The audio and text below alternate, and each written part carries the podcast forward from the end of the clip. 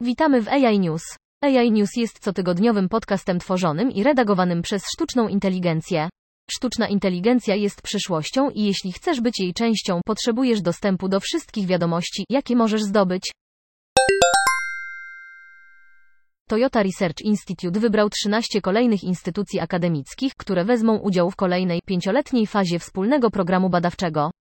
MIT, Stanford i Uniwersytet Michigan współpracowały z TRI w ciągu ostatnich pięciu lat w celu poszerzenia zakresu badań nad sztuczną inteligencją.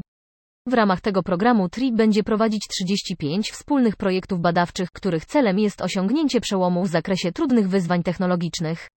Głównymi celami wspólnych projektów są wniesienie znaczącej nowej wiedzy i zrozumienia do dziedziny sztucznej inteligencji. Wykazanie możliwości radykalnego rozwinięcia najnowocześniejszych koncepcji w możliwe przypadki użycia. Promowanie transferu wiedzy poprzez rzeczową wymianę informacji naukowych i technicznych. Ta kolejna pięcioletnia faza skupia się na inwestycjach w projekty, w których naukowcy TRI są żywo zainteresowani badaniami naukowymi. W każdym z projektów naukowiec TRI będzie pełnił rolę współinwestora, który będzie współpracował z partnerem uniwersyteckim. TRI oferuje również projekty Young Faculty Researcher, YFR, których celem jest stworzenie partnerstwa z młodszymi członkami wydziału. Federalna Administracja Lotnictwa zezwoliła producentowi komercyjnych dronów American Robotics na testowanie dronów bez pilotów na miejscu. Jest to pierwsza zgoda rządu na loty dronów bez pilotów, twierdzi firma.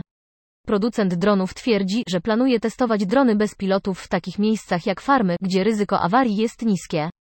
Zasady FAA zdalny pilot dowodzący ma ostateczną odpowiedzialność za cały lot i musi zapewnić jego bezpieczeństwo. Firma mówi, że ma nadzieję odblokować przewidywany rynek dronów komercyjnych o wartości 100 miliardów dolarów w Stanach Zjednoczonych w ciągu najbliższych kilku lat. To zmienia grę, mówi plantator Growmark. Amnesty International tworzy mapę wszystkich miejsc w Nowym Jorku, gdzie kamery monitoringu skanują twarze mieszkańców. W projekcie wezmą udział ochotnicy, którzy za pomocą swoich smartfonów zidentyfikują, sfotografują i zlokalizują kamery. Technologia rozpoznawania twarzy może być rozwijana poprzez pobieranie milionów zdjęć z profili mediów społecznościowych i praw jazdy. Mapa jest częścią większej kampanii mającej na celu edukację ludzi na temat niebezpieczeństw związanych z rozpoznawaniem twarzy. NYPD wydała 350 milionów dolarów na rozwój infrastruktury nadzoru po 9.11. Domain Awareness System obejmuje skanery tablic rejestracyjnych, czujniki i 18 tysięcy kamer CCTV. NYPD może wykorzystywać miniaturki zdjęć z tego materiału wideo i przepuszczać je przez oprogramowanie takie jak DataWorks Plus. Zawartość i różnorodność obrazów wykorzystywanych do rozpoznawania twarzy zależy od tego, jaka agencja jest właścicielem i operatorem bazy danych. NYPD wykorzystała rozpoznawanie twarzy do namierzenia Derricka Ingrama, aktywisty Black Lives Matter. NYPD użyła tej technologii do namierzenia go po tym, jak rzekomo krzyczał do ucha policjanta podczas demonstracji. Przynajmniej trzech czarnych mężczyzn zostało niesłusznie uwięzionych z powodu wadliwej technologii rozpoznawania twarzy. Rada Miasta musi uchwalić prawo ograniczające stosowanie tej technologii, twierdzi Amnesty i inne grupy broniące praw obywatelskich. Ale jest nowy rok, z nowym prezydentem i nowym kongresem. Projekt ustawy Markaja i Merklaja może jeszcze ujrzeć światło dzienne.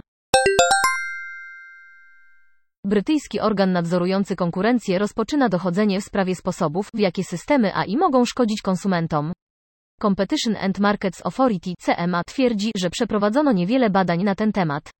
CMA poprosił naukowców i przemysł o przedstawienie dowodów na temat potencjalnych wykroczeń spowodowanych niewłaściwym wykorzystaniem algorytmów. CMA uruchamia program o nazwie Analyzing Algorytm, który może nawet pomóc w identyfikacji konkretnych firm, które naruszają prawa konsumentów, tak aby w razie potrzeby można było wszcząć postępowanie. CMA chce otrzymać jak najwięcej informacji od zainteresowanych stron w środowisku akademickim, społeczności konkurencyjnej, firm i społeczeństwa obywatelskiego. Brytyjski organ ochrony konkurencji CMA, rankingi algorytmów mogą prowadzić do kupowania przez konsumentów produktów, których nie chcą. Trzy czwarte osób twierdzi, że podczas zakupów online kieruje się opiniami. Niewielkie zrozumienie algorytmów, które określają, co i w jakiej kolejności pojawia się w wynikach wyszukiwania, gdy konsument wpisuje zapytanie. CMA zasugerowało, aby wymagać od firm ujawniania informacji o ich algorytmach badaczom i audytorom, a także nakazać firmom wprowadzenie zmian w projektach istniejących systemów. Najbardziej znana od dawna rada jest nadal aktualna, zastanów się dwa razy zanim kupisz.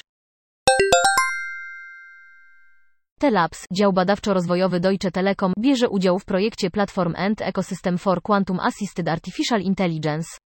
Komputery kwantowe obiecują wykładniczy wzrost szybkości przetwarzania dla pewnych klas problemów.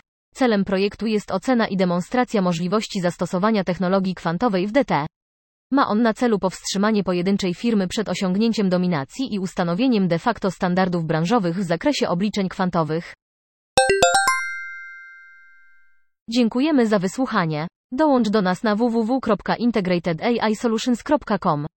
Pomożemy Ci zrozumieć teraźniejszość, przewidzieć przyszłość i uczynić ją swoją własną.